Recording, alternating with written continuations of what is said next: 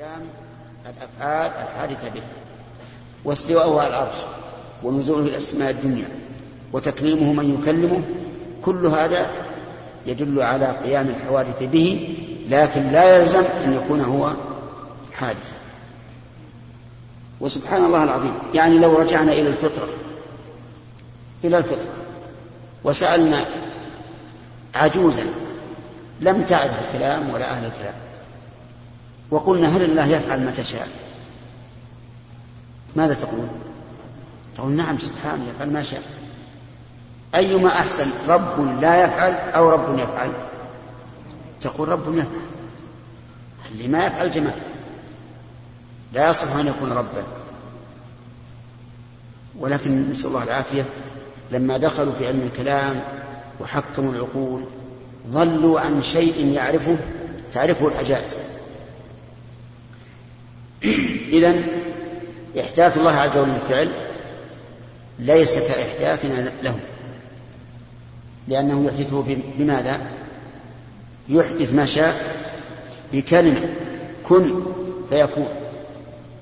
ونحن لا نحدثه إلا بمعاناة وعمل.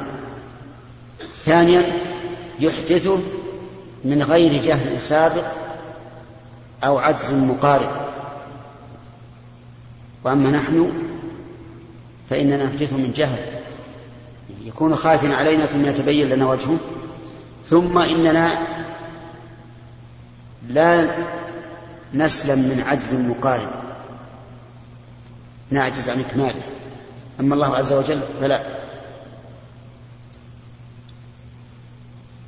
نعم. نعم. إيش؟ إيش؟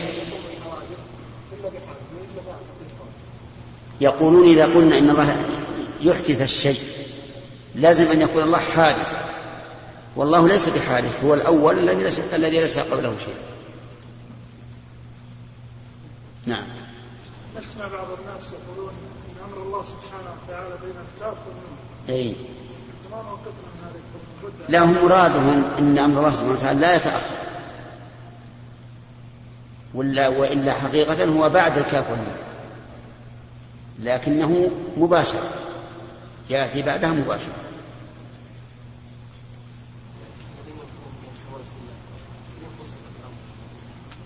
أين الأشعرية ينفون صفة الخلق والتكوين. نعم. لا لا لا. ما هو العالم أزل العالم حادث لكنه منفصل عن الله ليس بصفة الخلق وإنما هو بصفة الإرادة والقدرة. لأنهم يثبتون الإرادة والقدرة. أما أن يكون تكوين فهذا عند الأشاعرة ممنوع عند عند الماتريدية يثبتون هذا الشيء. يعني يفترقون في هذه المسألة نعم حدثنا علي بن عبد الله قال حدثنا حاتم بن وردان قال حدثنا أيوب عن عكرمة عن ابن عباس رضي الله عنهما قال كيف تسألون أهل الكتاب عن كتبهم وعندكم كتاب الله أقرب الكتب عهدا بالله تقرؤونه محضا لم يشب سبق الكلام على هذا الحديث والشاهد منه قوله أقرب الكتب عهدا بالله. وهذا في الوحي. ولما نزل المطر حصر النبي صلى الله عليه وآله وسلم عن ثوبه ليصيبه. وقال إنه حديث عهد بربه. من أي ناحية؟ من جهة الخلق. لأنه خلق الآن فنزل. حديث عهد بربه من جهة خلقه وتكوينه. فإذا عندنا قريب العهد من جهة التكوين والخلق قريب العهد من قبل الإنزال والوحي. كما ذكر ابن عباس يعود إلى الإنزال والوحي والآية تشهد له ما يأتيه من ذكر من ربه محدث. وأما التكوين والخلق فحديث المطر أن الرسول صلى الله عليه وسلم كان يحصل عن ثوبه ليصيبه ويقول إنه حديث عهد بربه. نعم.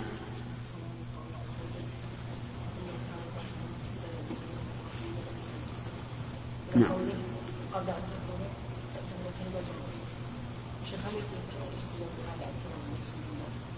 لا.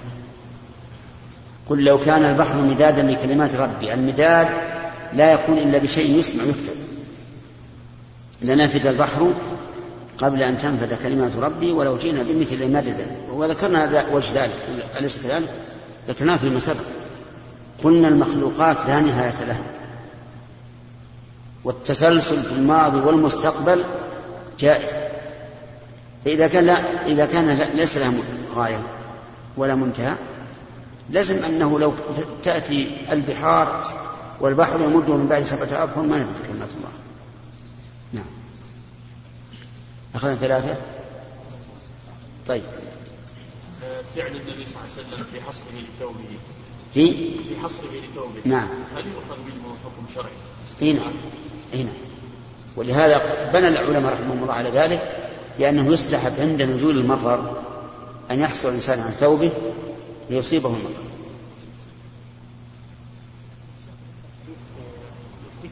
إيش؟ الله عز وجل يحدث من أمره ما يشاء. قلنا إنها شرعية. نعم. لا يرد أن أن المشيئة لا تأتي يشاء. لا حتى حتى الأمور الشرعية.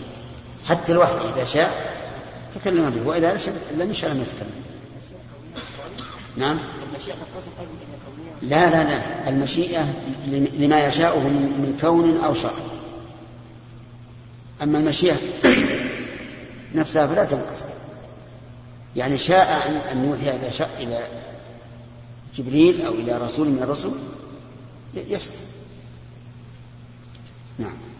حدثنا أبو اليمان قال أخبرنا شعيب عن الزهري قال أخبرني عبيد الله بن عبد الله أن عبد الله بن عباس قال يا معشر المسلمين كيف تسألون أهل الكتاب عن شيء وكتابكم الذي أنزل أنزل الله على نبيكم صلى الله عليه وسلم أحدث الأخبار بالله محضا لم يشب وقد حدثكم الله أن أهل الكتاب قد بدلوا قد بدلوا من كتب الله وغيروا فكتبوا بأيديهم قالوا هو من عند الله ليشتروا بذلك ثمنا قليلا. أولا ينهاكم ما جاءكم من العلم عن مسألتهم فلا والله ما رأينا رجلا منهم يسألكم عن الذي أنزل عليكم. الله. مع أنهم أحق أن يسألوننا أن يسألونا عما أنزل علينا نعم. وكأن ابن عباس رضي الله عنه في زمنه رأى من الناس من يذهب إلى إلى بني إسرائيل ويسأل ويسأله فاشتد قوله في ذلك. و وعلى هذا يجب علينا نحن المسلمين إذا دعونا إلى أخلاق حسنة من وفاء بوعد وصدق في القول وعزيمة في القصد وما أشبه ذلك أن لا نقول هذا فعل الإنجليز هذا فعل الأمريكان هذا فعل كذا هذا فعل كذا لأن هذه الأخلاق الفاضلة مصدرها من الإسلام وهي في الإسلام. وعجبا من بعض الناس ضعفاء العقول وضعفاء الدين. إذا أراد أن يؤكد الوفاء بالوعد قال هذا الوعد إنه وعد إنجليزي. سبحان الله. قل إنه وعد مؤمن. هذا هو الصحيح. يعني أن الإنجليز أوفى بالوعد من المسلمين؟ أبدا. فعلى فعلى كل حال هذا هذا الذي رسمه ابن عباس رضي الله عنهما ينبغي أن يكون نبراسا نمشي عليه. أن لا نظهر الافتقار لأهل الكتاب. وإن كان الرسول رخص لنا في أن لا في أن نقبل من حديثهم ما شهد له الشرع وما لم يشهد به الشرع ولا بخلافه لا نصدق ولا نكذب. وما شهد شرعنا بخلافه فإن نكذبه نعم.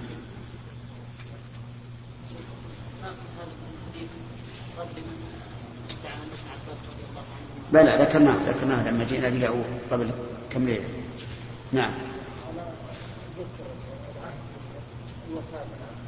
الآن في زمان خفت من أهل الصلاة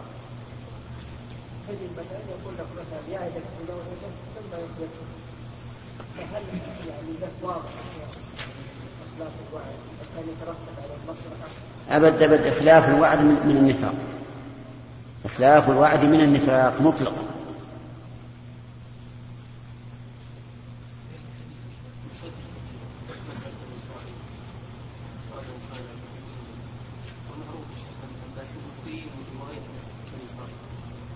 ليس عنه الواصل أجبنا عنه من قبل.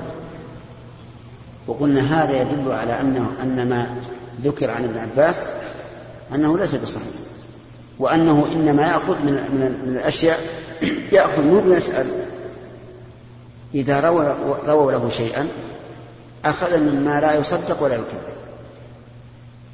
فرق بين السؤال وبين أن تسمع إسرائيلي مثلا يتكلم بكلام لا يرده شرعنا ولا ولا يوافقه فتحدث به بينهما فرق. نعم. قول الله تعالى لا تحرك به لسانك وفعل النبي صلى الله عليه وسلم حيث ينزل عليه الوحي. وقال أبو هريرة عن النبي صلى الله عليه وسلم قال الله تعالى أنا مع عبدي حيث ما ذكرني وتحركت بي شفتاه. نعم. باب قول الله تعالى لا تحرك به لسانك. ترجم المؤلف البخاري هذه الترجمة ليشير إلى أن القراءة القراءة بالقرآن من فعل الإنسان. لأن قوله لا تحرك من الذي يحرك؟ القارئ. وعلى هذا فتلفظ الإنسان بالقرآن يعتبر مخلوقا لأنه من فعل وفعل الآدمي مخلوق.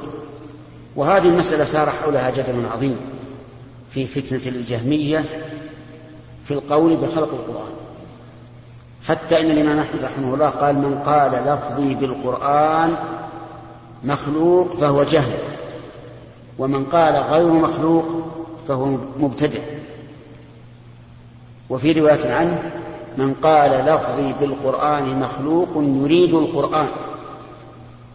يعني لا يريد القراءة فهو جهمي. ومن قال غير مخلوق فهو مبتدع. لماذا أطلق في إحدى الروايتين من قال لفظي بالقرآن مخلوق فهو جهمي؟ لأن الجهمية يموهون على الناس ويقولون كل لفظ مخلوق وهم يريدون لفظ أي القرآن فيموهون على العام والصحيح في هذه المسألة التفصيل فيقال قراءة القارئ تشتمل على أمرين على مقروء وعلى قراءة أما المقروء فهو كلام الله عز وجل غير مخلوق. وأما القراءة فهي فعل الإنسان. هو الذي يحرك شفتيه يحرك لسانه وهو الذي ينطق وهو الذي يخرج الصوت من من فمه. وكل هذا مخلوق ولا غير مخلوق؟ كل هذا مخلوق لأنه من صفات الإنسان وصفات الإنسان كلها مخلوقة. فهذا مراد البخاري رحمه الله بهذه الترجمة. الإشارة إلى أن قراءة الإنسان قراءة قارئ القرآن من فعله.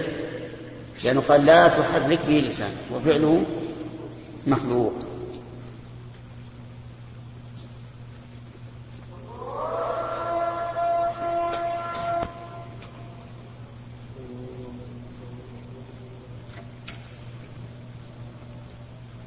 نعم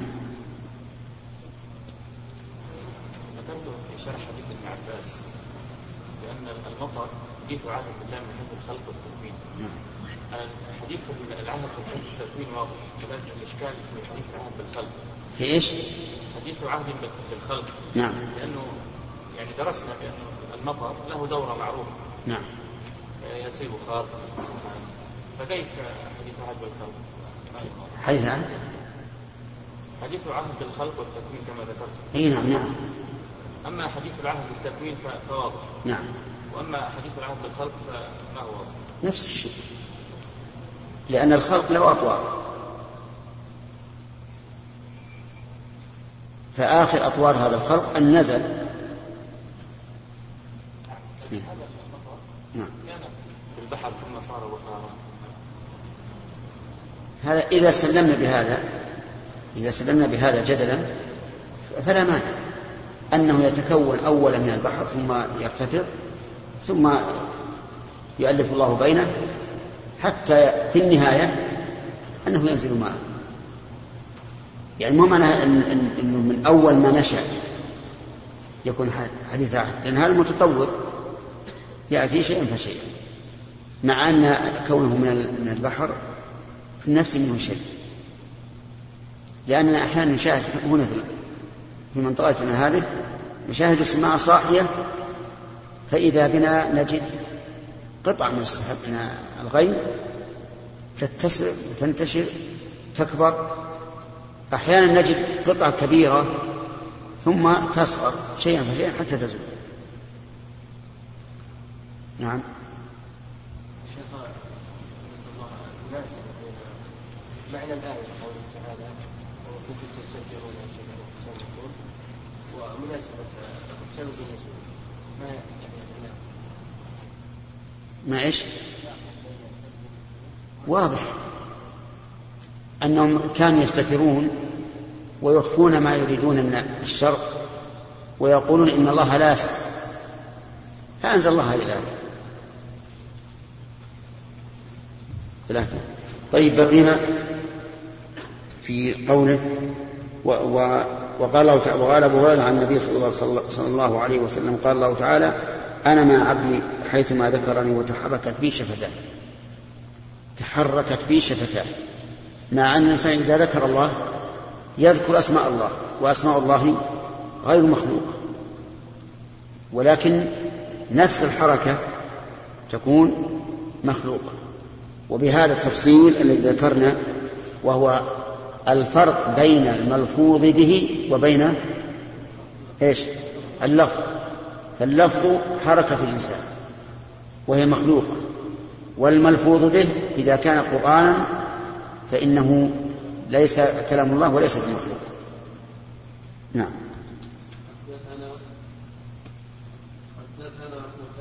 بن سعيد قال حدثنا أبو عوانة عن موسى بن أبي عائشة عن سعيد بن جبير عن ابن عباس في قوله تعالى لا تحرك به لسانك قال كان النبي صلى الله عليه وسلم يعالج من التنزيل شدة وكان يحرك شفتيه. فقال لي فقال لي ابن عباس أحركهما لك كما كان رسول الله صلى الله عليه وسلم يحركهما. فقال سعيد أنا أحركهما كما كان ابن كما كان ابن عباس يحركهما. فحرك شفتيه فأنزل الله تعالى لا تحرك به لسانك لتعجل به إن علينا جمعه وقرآنه. قال جمعه في صدرك ثم تقرأه فإذا قرأناه فاتبع قرآنه. قال فاستمع له فاستمع له وأنصت. ثم إن علينا أن تقرأه. قال فكان رسول الله صلى الله عليه وسلم إذا أتاه جبريل إذا أتاه جبريل عليه السلام استمع فإذا انطلق جبريل قرأه النبي صلى الله عليه وسلم كما أقرأه. نعم. هذه الآية آية عظيمة بل آيات عظيمة. كان النبي صلى الله عليه وسلم يعالج من الوحي شدة لأن الله قال إنا سنلقي عليك قولا ثقيلا. أحيانا إذا نزل عليه الوحي وهو على ناقته بركت ونزل عليه الوحي مرة ورأسه على فخذ حذيفة رضي الله عنه فكادت تردها وكان يأتيه الوحي في اليوم الشاة البارد فيتصبب عرقا من شدة ما يجب وكان لحرصه عليه الصلاة والسلام على القرآن وضبطه يتعجل. إذا قرأه جبريل تلقاه فورا منه فيتعجل. وربما يكون بتعجله هذا يفوته بعض الشيء. فنهاه الله عن ذلك عن ذلك. وقال لا تحرك به لسانك لتعجل به. والعجلة قد يكون فيها شيء من فوات المقصود. ثم تكفل الرب عز وجل. فقال إن علينا جمعة وقرآنه نحن الذين نجمعه في صدرك ونحفظه فيه ولا يفوتك شيء منه. فإذا قرأناه أي قرأه جبريل وأسند الله قراءة جبريل إليه لأنه رسول رب العالمين. وفعل الرسول فعل لمن؟ للمرسل. فإذا قرأناه أي قرأه جبريل فاتبع القرآن ولا تعجل تأخذ كل كلمة تأخذه كلمة كلمة لا انتظر حتى يفرغ ثم اتبع القرآن. الكفالة الثانية التي بعد الجمع والقرآن ثم إن علينا بيانه. تكفل الله عز وجل ببيانه. لعباده بيانه لفظا وبيانه معنى. وما يفوت الناس من الناس من لفظه أو من معناه فهذا إما لقصور أو تقصير. وإلا فإن الله قد تكفل ببيان القرآن لفظا ومعنى. لكن لا يلزم من هذا أن يكون مبينا لكل واحد. ولهذا نقول ليس في القرآن شيء يخفى معناه على جميع الناس أبدا. لا يمكن. لما قال لأن الله قال ثم إن علينا بيان. ولو كان في القرآن حرف واحد يخفى على جميع الناس لم يكن القرآن بيانا. والله تعالى قال فيه هذا بيان للناس. لكن الخفاء والظهور أمر نسبي. بمعنى أنه قد يخفى على شخص ما ما يظهر لشخص آخر. بل إن الإنسان الإنسان نفسه أحيانا يكون صافي الذهن فيظهر له من معاني القرآن والسنة ما لا يظهر له إذا كان مشوشا. وهذا شيء مجرد إذا فالخفاء والظهور أمر نسبي باعتبار الأشخاص واعتبار الأحوال. وإلا فإن الله قد تكفل ببيانه والحمد لله. والأمر كذلك. حفظ القرآن. منذ نزل به جبريل إلى محمد صلى الله عليه وسلم وعرف معناه وتبين للناس إلى يومنا هذا ولله الحمد.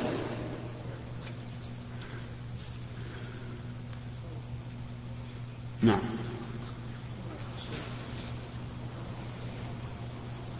نعم. هل يؤخذ من هذه الآية آداب طالب العلم التعلم آداب آداب إيش؟ التعلم الإصغاء والإنصات إيش؟ الإصغاء والإنصات اي نعم. اي نعم لا شك إنه يؤخذ من هذا أنه ينبغي لمن تلقى القرآن عن غيره أن لا يتعجل. ينتظر حتى يفرغ ثم يتابعه. نعم. ها؟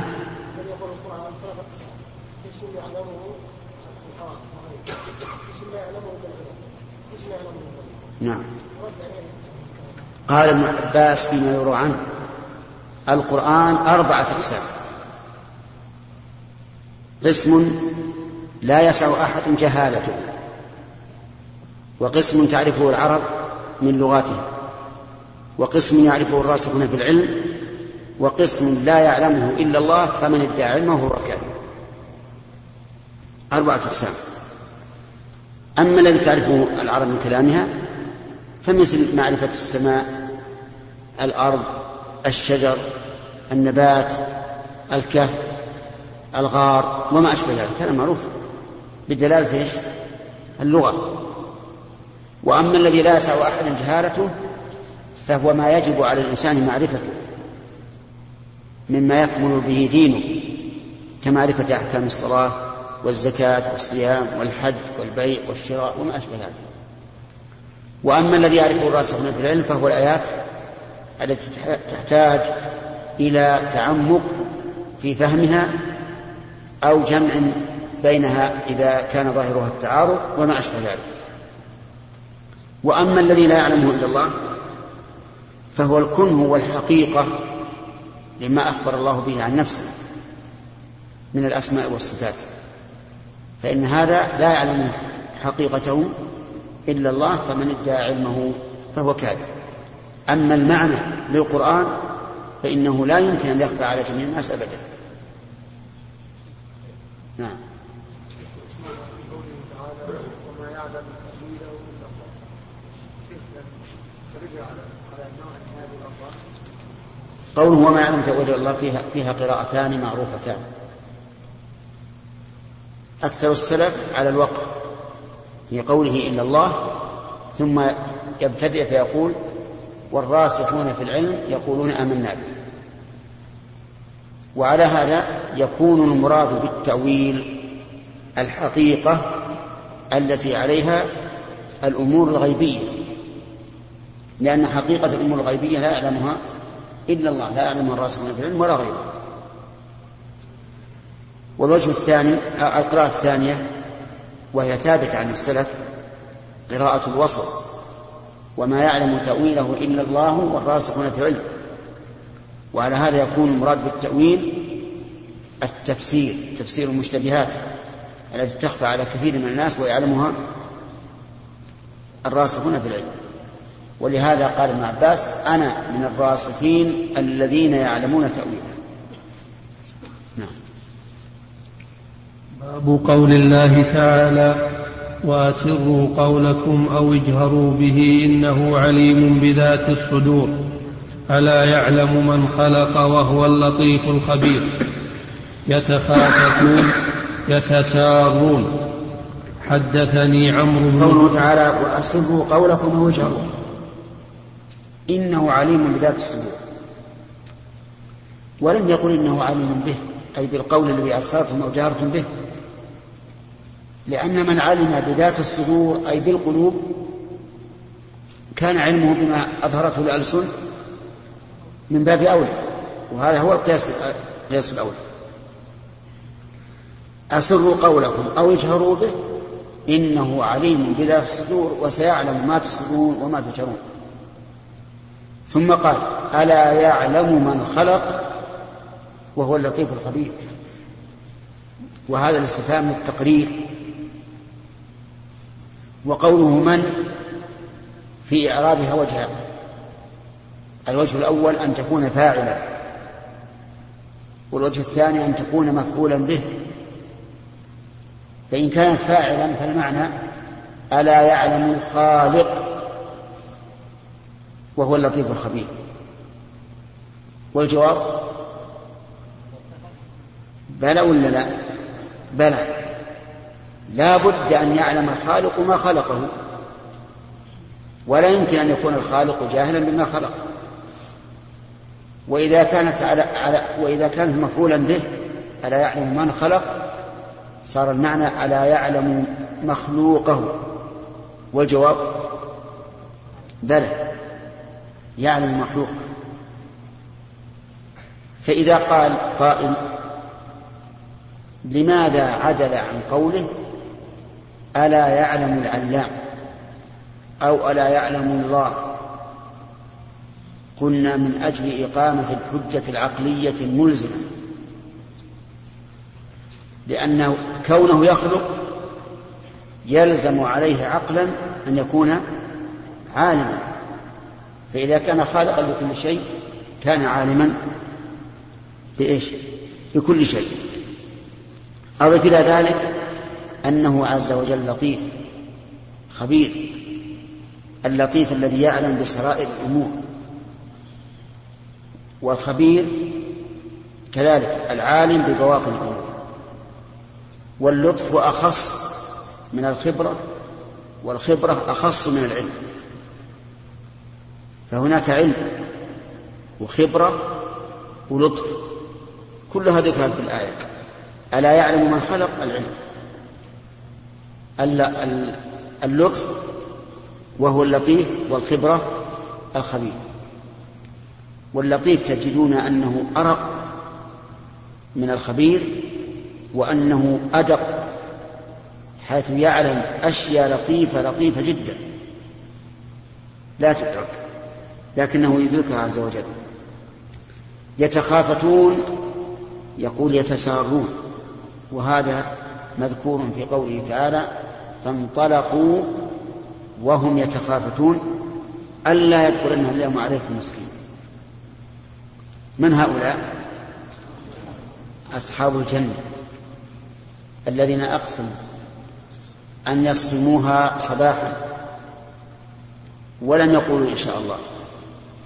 وإنما اختاروا صرمها صباحا لأن, لأن لا يأتي المساكين. لأن لا يأتي المساكين فيأكلون منها. فهم ذهبوا أقسموا لا يصومونها مصبحين ولا يستثنون لم يقولوا إن شاء الله. فطاف عليها طائف من الله فدمرها. أصبحت كالصليب. فلما أصبحوا تنادوا وذهبوا إليها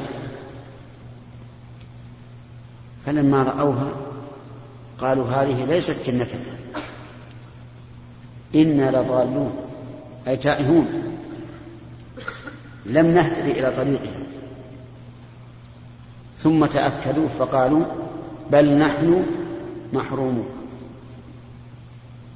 فعرفوا أنهم حرموا وأن الله أتلف هذه الجنة لأن نيتهم كانت سيئة. لا يريدون أن يطعموا منها المساكين.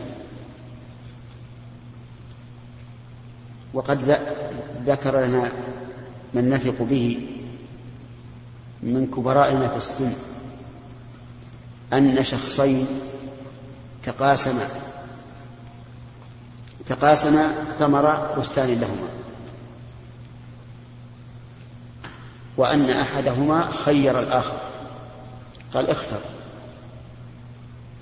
فقال الآخر أختار هذا الجانب الشرقي لأنه رأى أنه أحسن وأكثر. فقال الثاني أختار الغرب. والملك بينهما إيش؟ أنصافا. أحدهما؟ قال سأجزه في نهار رمضان.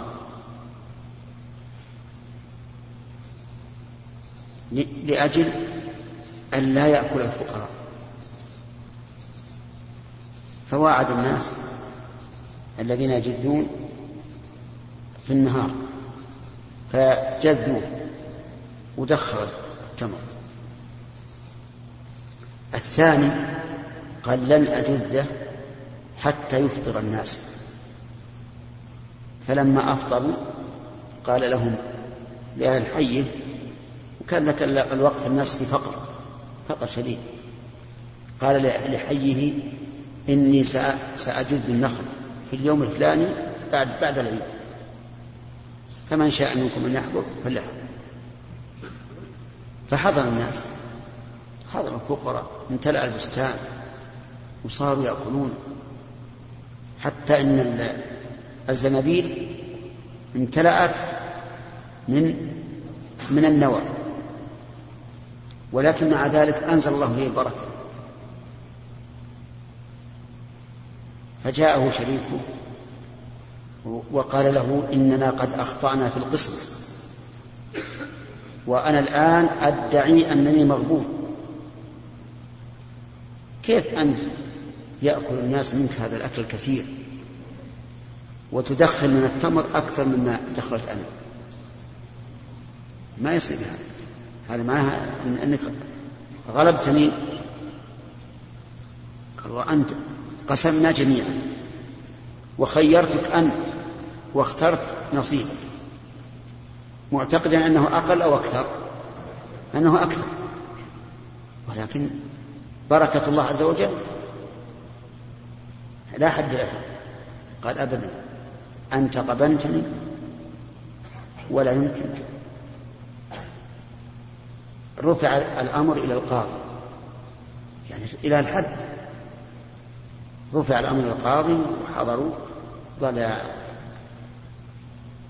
أيها القاضي اقتسمنا الثمر نصفين. ودخلت أنا التمر وبلغ من الزنابيل كذا وكذا وهو تأخر حتى أفطر الناس وجاءوا يأكلون وملأوا الزنابيل نوى وأدخل من التمر أكثر مما دخلت. وهذا يعني أنني مغبون. إيه فكان القاضي ذكيا. فقال له اقرأ. إنا بلوناهم كما بلونا أصحاب الجنة. وكأنه يقول أحمد ربك أنك حصلت هذا هذا التمر. لأن أصحاب الجنة ما حصل شيء. وأنت قلت أجذها في نهار رمضان لئلا يدخلنها اليوم عليك مسكين. فهذا جزاء. وهذا أنزل الله له البركة وبركة الله لا نهاية قوم. فطرده. هذه قصة مشهورة عندنا. ويسمى أصحابها فلان وفلان لكن لا حاجة لذكرهم فالحاصل إن, أن, أن, أن قوله وانطلقوا وهم يتخافتون يعني يصير بعضهم إلى بعض لا يجي لا يأتي إلينا مسكين. أصحى يجي فقير. فلما أصبحوا وجدوها كالصليب سبحان الله. في النهاية أقبل بعضهم على بعض يتلاومون قالوا يا ويلنا إنا كنا طاغين عسى ربنا أن يبدلنا خيرا منها إنا إلى ربنا راغبون. وهذا من من حكمة الله عز وجل أن الله قد يبتلي الإنسان في فقد ما يحب لاستقامة دينه. ظهر الفساد في البر والبحر بما كسبت أيدي الناس ليذيقهم بعض الذي عملوا. وهذا الابتلاء قد يكون خيرا للإنسان وقد يكون شرا. من الناس من إذا ابتلي في دنياه قوي إيمانه ورجع إلى ربه وأناب إلى الله. ومن الناس من يعبد الله على حرف فإن أصابه خير يطمأن به وإن أصابته فتنة انقلب على وجهه خسر الدنيا والآخرة ذلك هو خسران المبين. نعم. إيش؟ إيش؟ كيف؟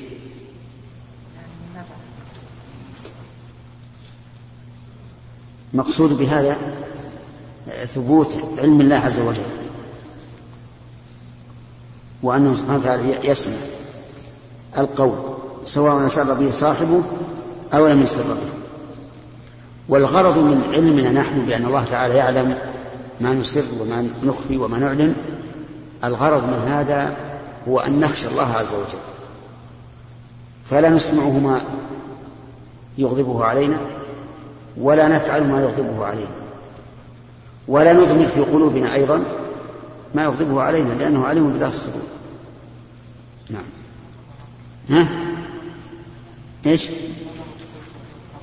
يؤكد. بالتأكيد. انتهى. بسم الله الرحمن الرحيم.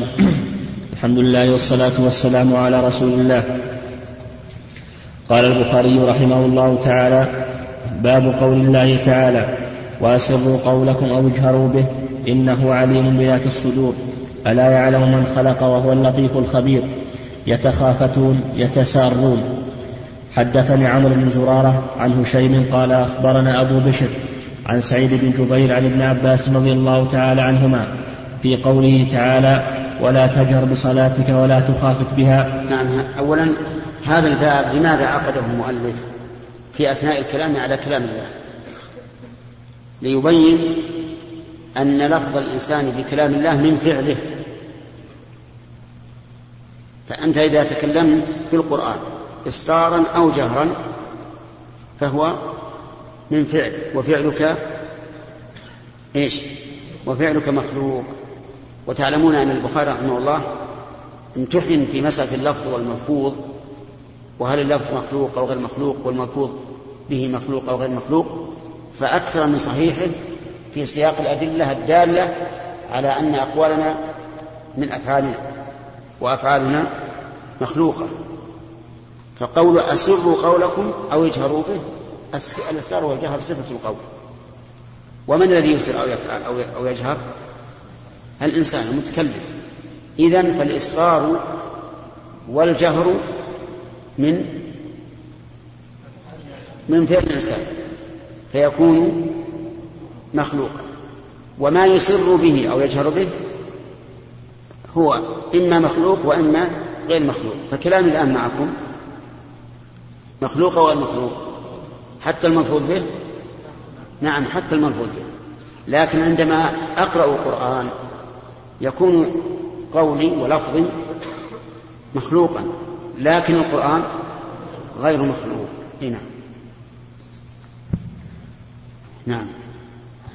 عن ابن عباس رضي الله تعالى عنهما في قوله تعالى ولا تجهر بصلاتك ولا تخافت بها.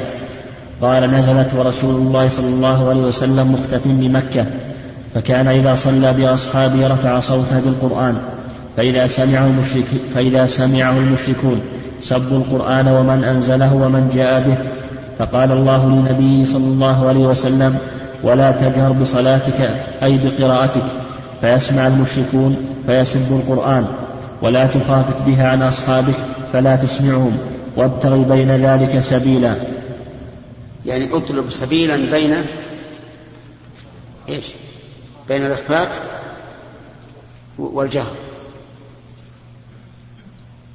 الشاهد من هذا الحديث أن الله قال لا تجهر بصلاتك أي بقراءتك القرآن في صلاتك ولا تخافت بها ومعلوم أن الجهر والمخافة من فعل الإنسان وأن القرآن الذي يسر به أو يخافت هو كلام الله. نعم. حدثنا عبيد حدثنا عبيد بن إسماعيل قال حدثنا أبو أسامة عن هشام عن أبيه عن عائشة رضي الله تعالى عنها قالت نزلت هذه الآية ولا تجهر بصلاتك ولا تخافت بها في الدعاء. أي فيكون معنى بصلاتك أي بدعائك. ولا منافاة بين كلام عائشة وكلام ابن عباس. وذلك لأن قول الصحابي نزلت في كذا. ليس صريحا في أن هذا هو سبب النزول. انتبه. ليس صريحا في أن هذا سبب النزول.